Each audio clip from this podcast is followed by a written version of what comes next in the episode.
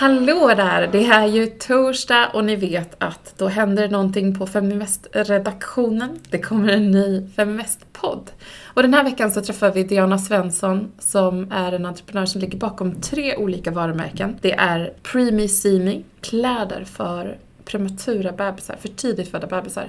Det är eh, Pickapoo, eh, som är barnkläder som har jättehäftiga detaljer. Och White Stockholm som har ett hållbarhetstänk som är väldigt spännande. Innan vi drar igång dock så har jag jättehärliga nyheter för att vi har en ny medarbetare här på Feminvest. Varmt välkommen till din första Feminvest-podd, Rebecka! Tack! Jättekul att få vara här. Det är så sjukt att vara med i podden också. Det känns som att det händer någonting nytt här varje dag. Men det är ju jättekul. Eh, men som sagt, mitt namn är Rebecka. Jag är 27 år gammal, född och uppvuxen här i Stockholm. Och jag började här för exakt fyra veckor sedan, vilket är helt otroligt. Det går så fort. Och jag arbetar här med event, marknad och webbproduktion. Men jag tänker att jag kommer släppa ett litet blogginlägg om mig i slutet på den här veckan eller i början på nästa där ni får läsa lite mer om hur jag hittade till Feminvest och hur jag hittade Mikaela för det är väldigt spännande om jag får säga det själv. Jag är himla taggad på att börja veckans avsnitt så jag tycker vi drar igång och presenterar veckans partner. Eller vad säger du Mikaela? Ja men absolut, grym idé. För vi har ju en samarbetspartner som vi är så stolta över den här veckan. Och det är Best Secret. Och de vill erbjuda alla våra lyssnare en möjlighet att bli medlem i deras shoppingklubb. Ja, Best Secret är en exklusiv modesajt där man dagligen får tillgång till härliga, fantastiska varumärken faktiskt, men till riktigt schyssta priser upp till 80% rabatt. Och om man ändå ska handla någonting, så varför inte passa på och köpa någonting till ett riktigt bra pris. Jag såg till exempel ett par silkestoppar från Bruns Bazaar som jag tänker hade varit så härliga till en lite grövre stickad tröja eller en kjol eller någonting som har lite grövre material. Kanske en skinn, skinnbyxor. Mm, så himla fint. Själv hittade jag ett märke som jag aldrig handlat från, men som jag känner blir perfekt nu till våren och sommaren. True Decadence. Så himla fina klänningar med lite spets och volanger, vilket jag tycker jättemycket om. Perfekt till studenten eller bröllopet. Men du, tänk på att de har över 3000 varumärken och dessutom upp till 80% rabatt. Och vänta. Ja, över 500 nya erbjudanden varje dag. Och tänk på att Best Secret är ju bara till för medlemmar. Så vi har ju fått en jättefin länk att ge till er lyssnare. Så pass på!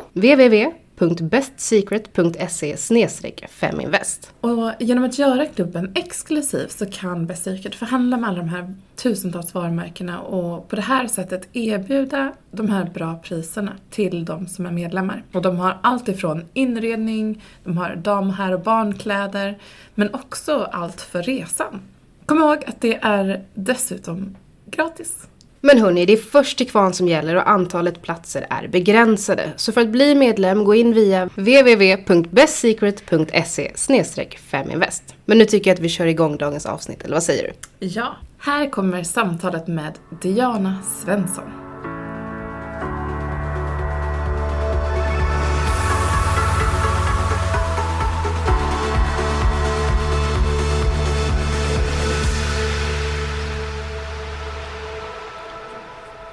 Idag lyser solen och solen är också på besök. Den här veckan så har vi nämligen en riktig solstråle på besök i Feminvest-podden och det är Diana Svensson som jag träffade för några veckor sedan och som delade med sig av hur hon startade sitt bolag. Och jag blev så imponerad och inspirerad av hennes resa, för det är ju precis bokstavligen det det var. Mm. Diana, varmt välkommen till Feminvest-podden. Tack snälla, det är så kul att vara här. Jätteroligt, tack. Du eh, hade ju en liksom så här häftig start på din liksom, bolagsresa. Kan inte du berätta hur du satte igång? Oj. Eh, absolut. Det har ju varit en eh, helt galen resa och jag tänkte inte att jag skulle starta eget redan från början utan det blev lite så att det blev mitt kall helt plötsligt. Min dotter föddes 2014 och jag hade jättesvårt att hitta liksom, snygga barnkläder till henne och jag har alltid jobbat liksom, som butikschef eller marknadschef och visual merchandiser så jag har alltid varit inne i marknadsföring och retail. Men jag har aldrig tänkt att jag skulle starta något förrän jag såg vilket gap det var på marknaden. Att det var liksom ett tomt hål. Och jag älskar ju bra kvalitet. Och det är verkligen det jag betalar för. Jag betalar hellre mycket för ett plagg som jag vet kan gå i arv eller håller tio år. Än att liksom köpa massa som noppar och så slits det och så slänger man dem. För det, det är inte heller så miljövänligt så att säga. Men när dottern föddes som sagt och jag började klippa och ta sönder hennes kläder och göra om dem lite när hon satt i barnvagnen så fick jag väldigt många förfrågningar på, av folk på stan. Där de frågar liksom, ah, men vart har du köpt hennes kläder? Den här jeansen var jättesnygga, det här var snyggt. Och det kom ju från de stora kedjorna, det var bara att jag hade klippt sönder dem och gjort om lite. Och helt plötsligt så var det folk som frågade om jag kunde göra så för dem också. Och då tänkte jag, men om jag kan göra samma sak och ta lite högre priser men i bättre kvalitet så hade det liksom varit ett varumärke som är unikt och som skulle vara eftertraktat. Eh, och då valde jag att starta Pickapoo, mitt första märke. För nu har jag ju tre stycken. Och eh, jag reste ganska mycket eh, till olika länder för att försöka hitta rätt leverantörer, rätt fabriker där det är bra villkor och du vet. Och den resan är en berättelse i sig. Det var ju helt galet hur mycket man fick uppleva och verkligen känna att man inte är odödlig när man kom tillbaka. Jag fick uppleva både roliga stunder men också jättetråkiga. Eh, och det gav mig en förståelse för hur viktigt det är att veta vart det kommer ifrån. Det man har på sig, det man äter, du vet allt det där. Och hela den resan har gjort att jag inte gett upp. Mest för att jag kan hjälpa andra. Och eh, det, det är lite så det började. Du är ju lite av en filantrop ändå. Kan inte du berätta bland annat om, om Peru Mm. och vad du har startat där? Mm. Jag träffade på en leverantör i- Peru som är fantastisk. Hon har jobbat för en kvinnorörelse kan man säga. Ett företag som hon startade tillsammans med sin syster i Peru. Och då började de liksom handsticka. Eh, det kan vara väskor och det kan vara olika filtar och plädar och sådär. Eh, och hon sa det att jag skulle jättegärna vilja jobba med dig på ett sätt som vi inte gjort med andra kunder och vi har inte haft någon i Europa heller. Då sa jag att ja, men jag kan absolut tänka mig att vi gör någonting unikt tillsammans som kan hjälpa folket där för de har ju inte samma levnadsstandard som vi har i Sverige till exempel. Och främst kvinnor är väldigt, väldigt utsatta. Och då sa hon att men vet du vad, det finns eh, ett fängelse i närheten. Det är ett fängelse eh, där det är väldigt många kvinnor som sitter och de har ingenting att göra på dagarna. Jag har bekantat mig med några av de kvinnorna. Jag kan tänka mig att vi skulle kunna flytta in produktionen till fängelset så att de får sitta och sticka, handsticka där. Eh, och sen så kan vi göra som så att det blir så, lite som ett välgörande ändamål. Att en del av min vinst får gå till de här kvinnorna. Och den idén trodde vi på fram tills jag märkte att det kommer bli väldigt svårt att flytta in en hel produktion där för att få det så eh, transparent som möjligt. För du får inte filma, du får inte fota, du vet, det var väldigt svårt. Men på något sätt så sa jag till henne att jag kommer dit varje mars, varje år. Eh, och sen så ser jag till att allting sköts på rätt sätt och att de här kvinnorna har det bra. Jag kommer dit och vill hjälpa till att bygga upp den byn där fängelset ligger i. Och hon tyckte det lät jättebra och så sa hon att eh, då startar vi produktionen och hur vill du liksom börja? Vill du börja med att berätta berättelsen eller vill du börja med att starta produktionen och sen när den är färdig så kan vi berätta berättelsen genom hemsidan och genom alla de här produkterna som vi har fysiskt. Och det var då som eh, föddes med det här välgörande ändamålet i, i tanken. Att vi försöker hjälpa de här kvinnorna att de har barn utanför fängelset, de gör allting för hand och de har en sysselsättning i fängelset som gör att de inte blir tokiga liksom. Men det är inte kul att vara inlåst hela tiden. Eh, och dessutom så gör vi det med ett gott samvete för att vi vet att det inte är barnarbete utan det går till ett välgörande ändamål och de lyfter kvinnorna på ett helt annat sätt. De får ju ett syfte så att säga och det var jätteviktigt. Mm. Det är så kul och häftigt tycker jag. Tack. För att det är, det är ju en värld som är ganska långt bort ifrån oss också. Jag vet att många till exempel inom retail och sådär man kanske kollar efter produktion antingen inom- Europa eller i Asien. Alltså i Asien av pris och i Europa av kvalitetsskäl. Men att på det här sättet bygga en relation med någon eh, genom den resan du varit på är så häftigt. Absolut, och tanken är att jag ska tillbaka nu, gärna i maj eller juni och så ska vi filma en liten dokumentär om det här som jag kommer sen kunna lansera på hemsidan också. Där folk får se lite mer transparent av det vi kan filma och fota. Eh, hur det ser ut bakom kulisserna så att säga och hur mycket tid och tålamod och blodsvett och tårar det egentligen krävs. Dels för att ha en produktion uppe och dels för att inte ha någonting att dölja heller. För det är väldigt många som kör den säkra vägen och jobbar liksom i, i länder i, i Asien där det kanske är lite billigare produktion men du vet inte 100% var grejerna kommer ifrån för att de kanske tillverkas på ett ställe men tygerna köps in någon annanstans. Mm. Och då är du inte transparent. Nej. Nej. Men om du då... För det, här- du stannar ju inte vid ett varumärke. Utan, Nej. och det, det känns som att Peekapoo också var en viktig lärdom för dig om hur du skulle tänka. Eh, kan du berätta om så här, hur man tar fram sin första produktion och eh, ja, men lite roliga erfarenheter? Jag vet till Ja. exempel ni inte vet vilken story jag fiskar efter. Jag vet. Eh, det var väl det jag berättade sist vi träffades, Ja, antar så jag. härligt. Ja, det, det har varit, eh, som sagt, det har varit en galen resa både utanför och i Sverige.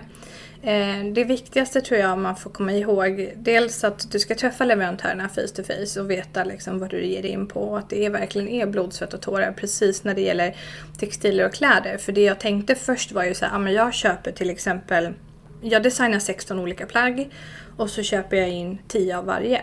Och då kan man tänka så här, ah, men det blir inte så många. Men sen glömde jag bort att du ska ha olika storlekar. Det ska ha olika färger, olika tryck, det ska liksom provas olika leverantörer och till slut satt jag där i ett kaos av 330 plagg och visste inte vart jag skulle ta vägen. Och jag träffade en fantastisk teknisk designer som heter Nicole Scott som jobbar med mig idag.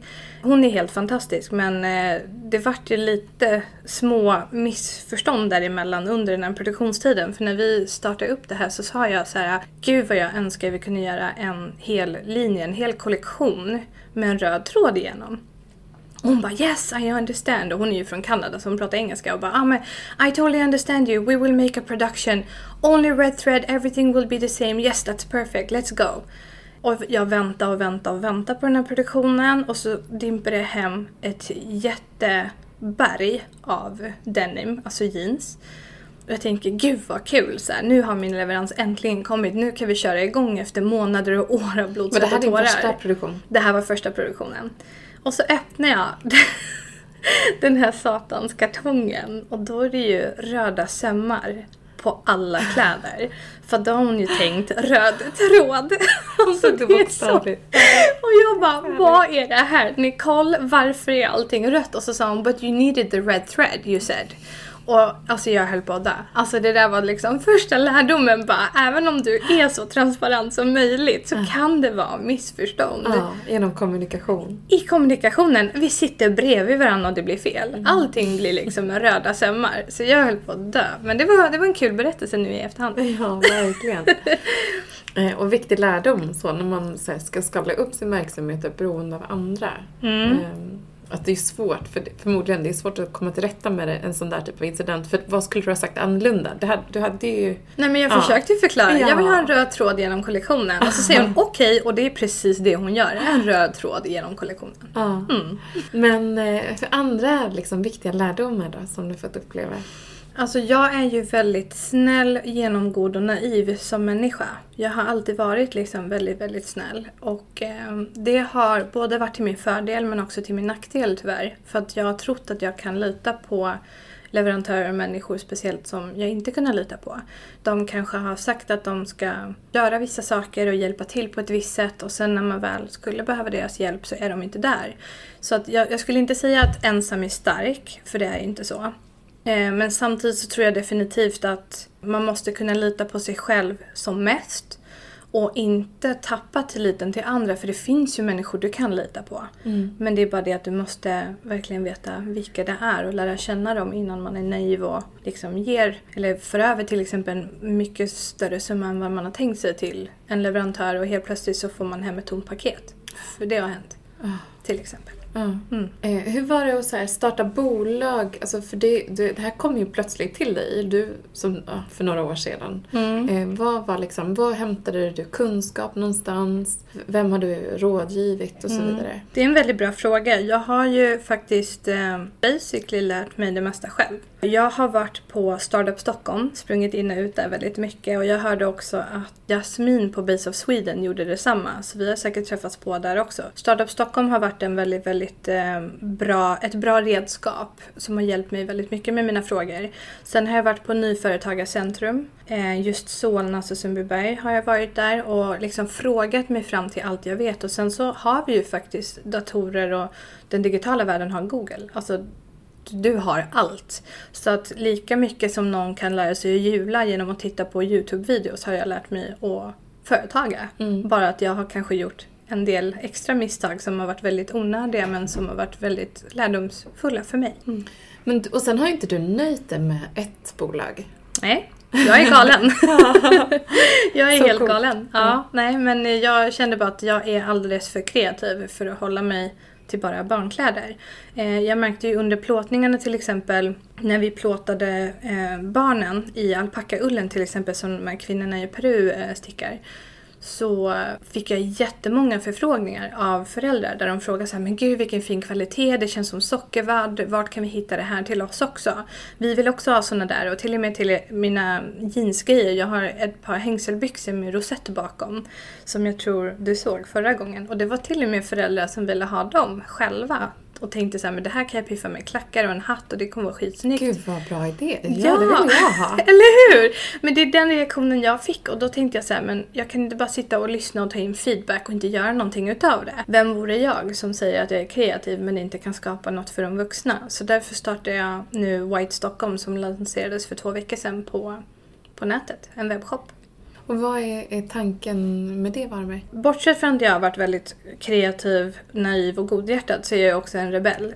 jag är alltid sån, säger du en sak så vill jag gärna mot, alltså bevisa motsatsen. Och det var många som skrattade mig rakt upp i ansiktet när jag sa att jag ville starta eget. Och det var jättetråkigt men samtidigt så var det liksom drivkraften i att jag ska verkligen visa dem att jag kan. Så då när jag startade White Stockholm så var tanken också att jag vill göra allting, hela kollektionen så ljus som möjligt för vi klär oss så himla mörkt i, i Sverige. Vi bor i ett mörkt land, vi har det väldigt grått och trist väder oftast. Även om humöret kan vara på topp efter en tequila shot så vill man ju ändå se lite så här glad och ljus ut när man går ut och det kanske ljusnar ute. Och då valde jag liksom att börja skapa plagg i väldigt ljusa toner. Främst var det vitt från början. Men sen så märkte jag att okej, jag kommer inte kunna överleva på att bara ha vita kollektioner. För vad händer när man väl har köpt upp sig på vitt från White Stockholm och vill ha något nytt? Eh, och då gick jag till mer lite dova nyanser såsom beige, ljusgrått, jag jobbar mycket med dusty pink, du vet lite så här smutsrosa. Det låter smutsigt men det är liksom skitsnyggt att kombinera tillsammans. Och det var den kollektionen jag lanserade nu senast och den heter Pure Organics. Mm.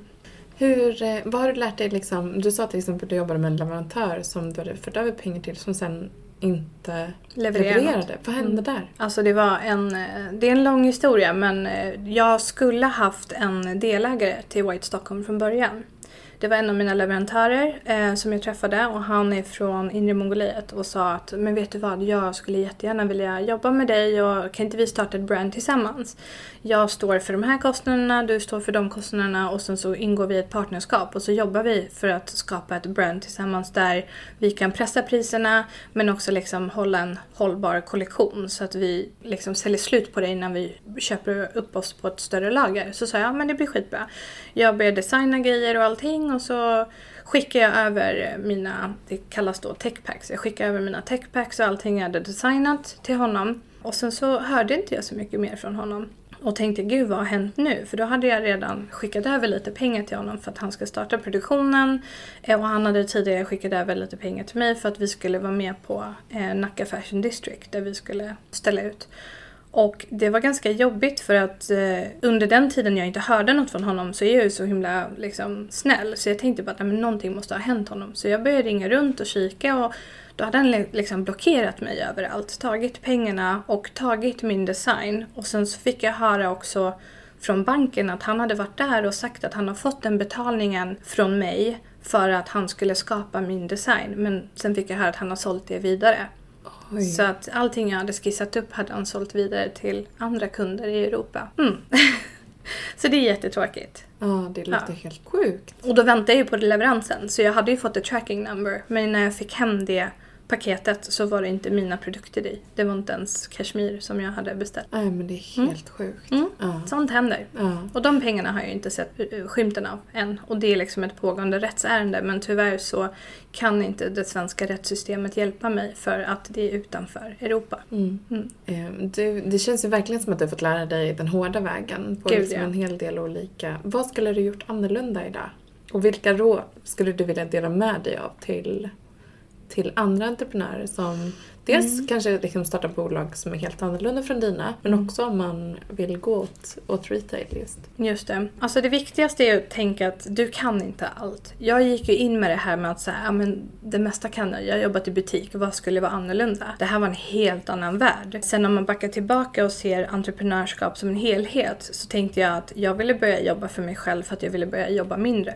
Alltså det var ju liksom, det var ju årets skämt. För nu i efterhand så slutar jag aldrig jobba. Jag har ju liksom till och med två praktikanter här som sitter och lyssnar på det här som ibland får slita mig från datorn eller fråga mig saker medan jag håller på att göra en grej samtidigt. Och, och har man ett jobb där man kan bara stänga dörren och säga tack och hej vid 17-tiden så borde man nästan vara glad om man känner att det där är det man vill. För att entreprenörskap är så mycket mer. Du måste ha det här jäklar anamma för att inte ge upp.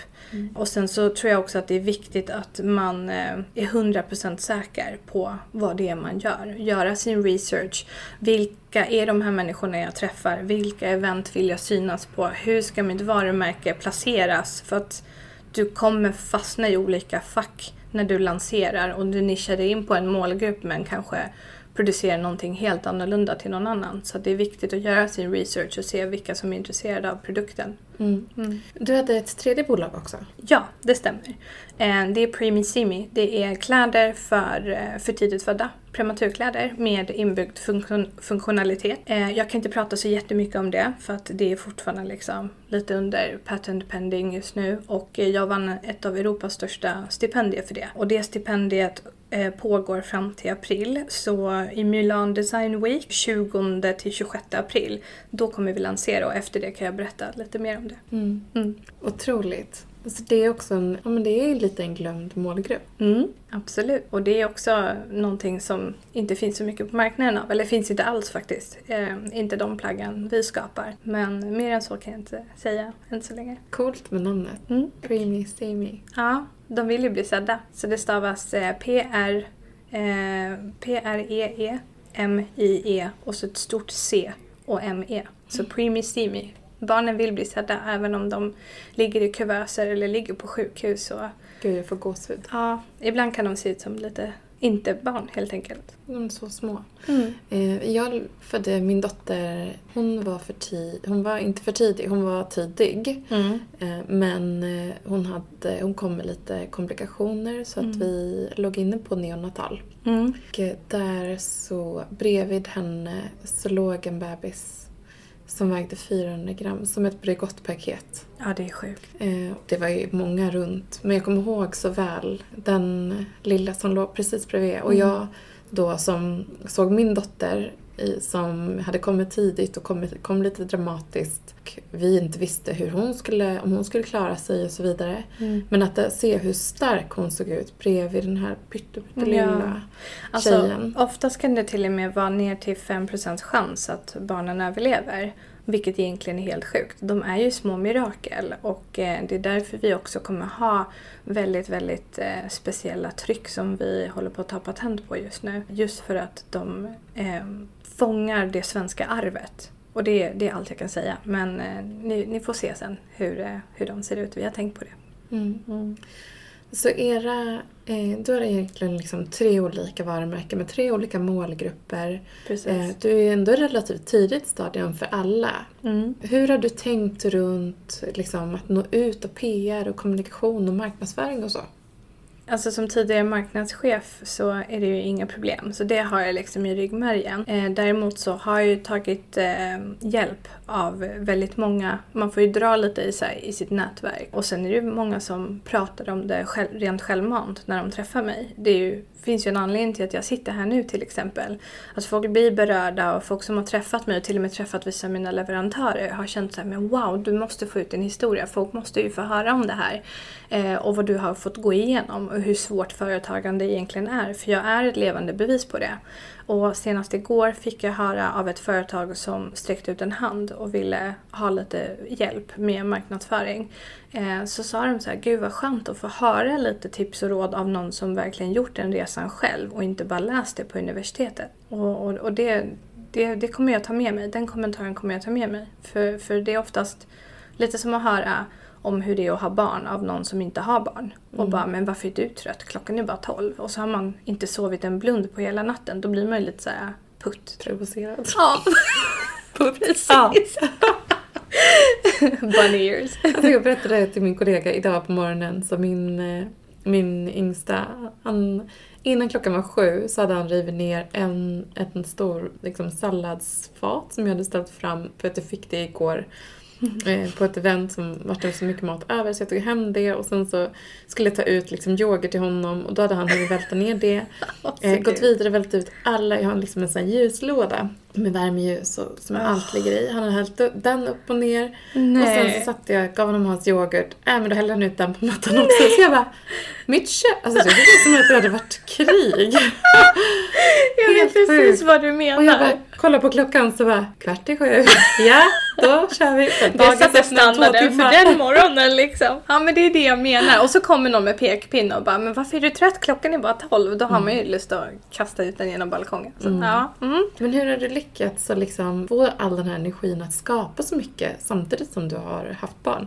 Vet du, det, det, nu måste jag, nu gör jag inte någon smygreklam så, men jag pratar väldigt mycket om det i min egen podd Kvinna och företagare. Och det är för att jag har ADHD och jag fick veta det väldigt sent. Eh, och vi har precis fått veta att min dotter också har det. Och det gör så att man får lite extra drivkraft och motivation och lite extra energi såklart. Och det är ju det man har. Man är lite så här halvt hyperaktiv och jag blir väldigt lätt uttråkad. Så att jag vill göra väldigt mycket. Och skulle inte jag göra någonting som till exempel gynnar någon annan, typ de här kvinnorna i Peru, så hade jag definitivt velat liksom åka till Afrika och hjälpa till med olika barnhem till exempel. Jag har en vän som heter Tove Ternsjö som är fantastisk som har åkt och liksom hjälpt barn och, och hon åker väldigt ofta till olika länder för att göra a good cause helt enkelt. Och, och någonting sånt kan jag tänka mig att jag skulle ha gjort så att den motivationen är inbyggd i mig. Det gäller bara vad man gör med den.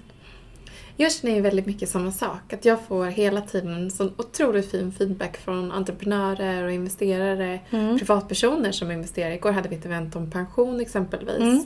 Och kvällen innan det hade jag ett event om hållbarhet när du investerar. Och jag får liksom, folk står på rad efter eventen och så tackar för att jag arrangerar den mötesplatsen. Mm. Och det var så kul för att en, en av mina kunder då som var med och arrangerade, hon bara tar du in en enkät? Jag bara nej jag gör inte det för jag får så mycket organisk feedback. Eller liksom som Precis. att folk bara vill komma och säga hur härligt det är och bra och så. så att, och- då efter eventet så, så, så sa hon det, hon bara ja, jag förstod, nu förstår jag vad du menar. Eh, för att hon fick, liksom, hon fick möta den målgruppen som jag jobbar med dagligen. Och det blir ju ett why. Men det är verkligen, ja alltså det blir ett kvitto Mm. på att det man gör räknas och betyder någonting och hörs och syns. Och det tycker jag faktiskt är jättekul. Mm. Jag har liksom fram tills nu fått jättebra feedback på vår Facebook-sida där man kan skriva lite recensioner om till exempel White Stockholm. Jag har precis börjat du vet, packa och skicka iväg mina första ordrar och leveranser och redan fått fantastisk feedback. Och det är ingenting man har bett om utan det är ju någonting som, som folk skriver för att de vill, för att de uppskattar det man gör. Och det, det känns skitbra. Mm. Mm. Jag måste säga, för att jag såg ju, men jag fick se de här byxorna då för, för barn, som de här snickarbyxorna, eller med jeans. Ja, hängseljeans. Hängseljeansen Ja. med, som, med den här rosetten och sömmarna och Mm. etiketten och så. Eh, och väldigt, det är väldigt kul att få se en sån otroligt kreativ person som du är. Eh, också vara så strukturerad, alltså få så mycket gjort på något sätt. För att ibland så kan ju kreativa Sticka personer... iväg ja, men jag, jag vet själv med min egen kreativitet, att den, jag behöver fånga upp den. ja precis. Eh, och det tycker jag är så imponerande. Tack, men det, det gäller också att omringa sig med rätt människor. Eh, verkligen. Jag skulle liksom aldrig kunna ha gjort det utan några vänner. Som till exempel så pratade jag med min bästa vän Minna häromdagen och hon sa det. Diana, lugn. Nu måste du komma ner på jorden. Inte ett projekt till. För jag hade en annan idé också. Hon bara, nu får du lugna dig. Koncentrera dig på det du har så hjälper jag dig med den idén sen. Den är bra. Men gör det du gör nu och gör det jäkligt bra och får det att rulla och sen så kör du nästa grej. Och då är jag mer än gärna där och hjälper dig men nu måste jag sätta ner foten. Och det är jätteviktigt att ha sådana vänner också som är transparenta och ärliga och säger precis som de tycker och tänker och hjälper dig även om det är ganska hård feedback. Mm. Så. Mm, grym. Mm. Du, stort tack för att du var med i Nej, den här veckans podd. Jag tycker du har delat med dig av flera superbra råd. Både när det kommer till alltså uppsöka aktörer som kan bidra. Mm. Nyföretagarcentrum, eh, Startup Stockholm, Mm. Google. Allt det finns där för dig. Allt det finns. Eh, och även ta hjälp av nätverket, ditt nätverk. Gud ja, och sociala medier. Speciellt typ nu när jag behöver ny fotograf någon gång eller om man skulle behöva modeller så har mina kära praktikanter hjälpt mig jättemycket. Man kan ju liksom skriva till olika skolor. Det finns så himla många olika verktyg. Man får bara inte tänka ganska smalt utan väldigt, väldigt brett. Men jag har också ett annat råd runt det där och det är att tillsätta typ en advisory board tidigt. Av just, och där kan man ju använda sig av sociala medier för att reach out och få tag på kontakt och så här, ja men jag söker personer som vill hjälpa mig i att driva bolaget framåt och få, som, som, blir, som då organiskt hör av sig och svarar på det för att de vill vara med. Precis. Eh, och visar, då kan man ju sen ta en screening och så här, välja ut de som man tycker passar bäst och komplettera ens egen kompetens. Jättebra tips. Eller hur? Bra Mikaela. Eh, det också. Och sen eh, har jag också en fråga för att alltså retail har ju verkligen varit ändå under lupp under den sista tiden. Och Mm. Det är ett stålbad egentligen som, Mm. som många går igenom. Gud ja. Vad tror du liksom skiljer vinnarna från förlorarna där? Jag tror att det som skiljer är dels att man har gjort sin research sen innan och vet att så här, men det här behovet finns. Och finns inte det behovet så kommer vi kunna sticka ut på det här sättet. Jag brukar alltid säga, och det är faktiskt ett av mina viktigaste tips, att du behöver inte uppfinna hjulet igen för att göra någonting som sticker ut. Eh, jag tänkte att jag skulle göra allting så himla nytt hela tiden. Det ska vara innovativt och det ska vara si och så. Men gör du det bra nog så räcker det. Men det viktigaste är att du inte ger upp. Det är det som är skillnaden mellan vinnare och förlorare. Att så fort det blir lite tufft liksom. Så bara, äh, nu lägger jag ner. Det här kommer aldrig gå. Jag måste lyssna på dem som har sagt att det här inte funkar. De hade någonting. De var på spåret. Så jag lägger ner det här. Eller så gör man som mig och, och sträcker upp långfingret och säger Watch me now liksom. Så att, eh, ja, det är lite ett mindset tror jag. Mm. Och eh, vad är White, Pickapoo och Preemie See om fem år, om tio år? Oj, det var en svår fråga. Jag brukar säga the sky is the limit. Nej men jag har, eh, jag har faktiskt börjat tänka hur jag ska expandera och eh, utöka kollektionerna. Eh, Så jag har ju tänkt att jag ska göra lite annat som jag kanske inte vill ta upp just nu men definitivt göra lite olika produkter som också täcker olika behov hos människor som aldrig kommer försvinna. För kläder är ju ett sånt behov. Vi kommer ju alltid klä oss så länge man inte är nudister. Eh, Och eh, jag tror att det är väldigt viktigt även för mig. nudister har väl kläder emellanåt? Förhoppningsvis, jag vet inte. Jag har nog inte träffat en nudist men det vore trevligt någon gång. men jag tänker mest att jag skulle vilja eh, få mina varumärken att lyfta så pass mycket att jag inte känner att det blir ett jobb utan det blir mer att jag 100% gör min passion så att säga. Jag jobbar med min passion och det gör jag ju faktiskt. Jag älskar ju det jag gör. Men just nu har det ju varit mycket jobb. Du vet, det tar liksom inte slut och man ska hitta leverantörer och du ska lära dig av alla misstag du har gjort tidigare och du ska designa och du ska fixa och dona. Men just nu har jag skisser som skulle räcka i, i tio år så att jag är ju rätt klar på den fronten. Men absolut att jag har en utvecklingsprognos också om man säger så. Eh, har du funderat på att ta in riskkapital eller vill du skala upp själv? Bra fråga. Jag har pendlat lite mellan hur jag ska göra. Så att jag tror att det är en fråga du och jag kan ta lite senare. Absolut. Jag är liksom öppen för olika möjligheter och, och olika sätt och tillvägagångssätt. Men jag är lite osäker just nu på hur det ser ut med tre brands också speciellt. Mm. Ja, men du, lycka till vidare. Och, Tack snälla. eh, så ser jag fram emot att följa din resa. Och podden såklart. Ja.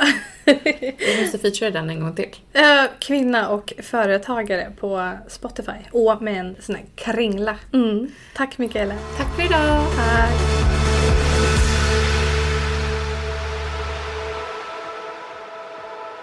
Feminvest är Sveriges största investeringsnätverk för tjejer. Vi vill att allt fler ska våga äga och förvalta. Och hur gör vi då detta? Jo, vi vill inspirera, utbilda och utmana runt ägande, investeringar och entreprenörskap. Följ Feminvest på våra kanaler Facebook, Instagram, Youtube. Varje vecka så kommer vi även ut med en podd och du kan ju självklart även följa nyheterna som publiceras på feminvest.nu. Det är bara att söka på Feminvest på samtliga kanaler så hittar du till oss.